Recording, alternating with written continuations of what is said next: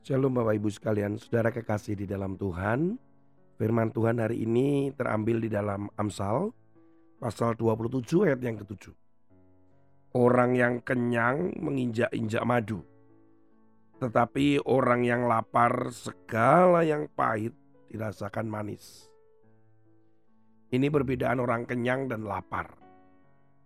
Saudara, saya ini bukan pemakan makanan seafood. Saya kurang suka dengan seafood. Kecuali uh, pemasaknya, kokinya, mengolahnya tidak amis. Saya belajar makan seafood saja dari istri saya. Sebelumnya nggak pernah, karena memang keluarga kami itu, mami saya, semua ya, papi, semua bukan pemakan seafood. Walaupun menerima pesanan memasak makanan ikan-ikan yang dari laut. Ya kalau itu terjadi maka akan panggil koki. Saya nggak tahu kenapa alasan uh, mami saya dia nggak suka seafood. Tapi salah satunya karena amis. Oleh karena itu di keluarga kami itu ya jarang bahkan kemungkinan tidak pernah makanan seafood.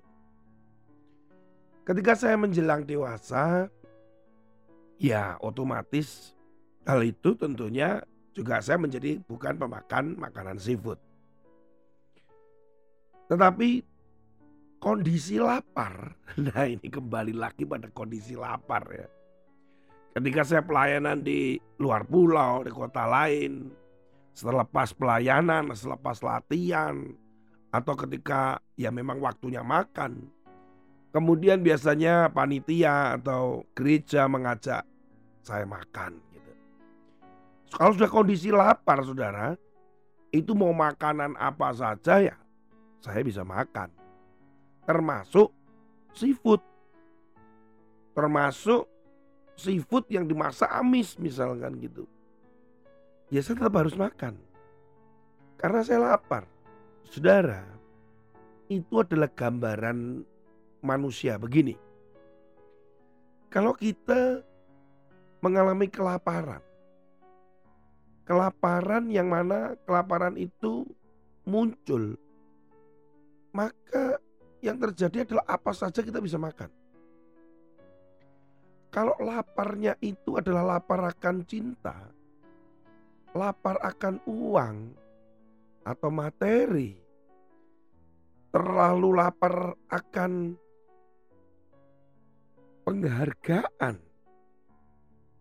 maka berbagai cara apa pun yang jahat pun ya tetap akan dilakukan. Misalkan contoh lapar cinta.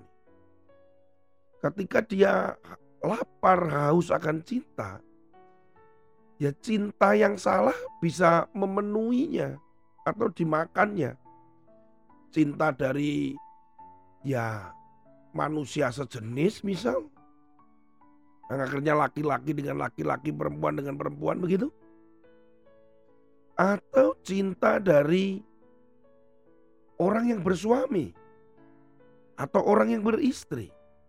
Jadi ini terjadi karena dia sedang lapar akan cinta, lapar akan perhatian, lapar akan dihargai, maka bisa salah. Hal yang jahat pun bisa di, dilakukan lapar akan penghargaan misal. Ya untuk mendapatkan jabatan dia bisa menyuap, dia menggunakan cara-cara licik. Pokoknya bagaimana caranya supaya dia mendapatkan penghargaan lewatan jabatan yang akan diberikan kepada dia. Saudara kekasih dalam Tuhan, hati-hati dengan lapar. Oleh karena itu kenapa Yesus pernah berkata datanglah kepadaku yang letih lesu berbeban berat. Yesus juga pernah berkata kepada perempuan yang sedang mengambil air. Engkau tidak akan haus lagi kalau engkau mendapatkan air kehidupan. Yesus tahu orang yang letih, orang yang lapar, orang yang haus itu membutuhkan sesuatu. Ya kalau yang didapatkan itu benar, kalau salah. Oleh karena itu hati-hati. Hari-hari ini apa yang saudara alami? Saudara lapar apa? Lapar akan perhatian kah? Lapar akan penghargaan? Lapar apa? Dan iblis dan dunia lewat sistemnya itu bisa menangkap itu dan mencoba terus merangsang saudara dan kita untuk memakannya, meminumnya, melakukannya. Kalau saudara mengalami kekeringan dan kelaparan, datang pada Yesus. Mintalah dia yang memenuhinya, memuaskan saudara dengan cintanya yang sempurna. Kasihnya yang lembut. Saudara kekasih di dalam Tuhan, Jangan sampai laparmu mematikanmu. Jangan sampai kehausanmu membuat engkau memilih yang salah. Dipenuhilah engkau dengan kasih Kristus dan cintanya. Tuhan Yesus memberkati.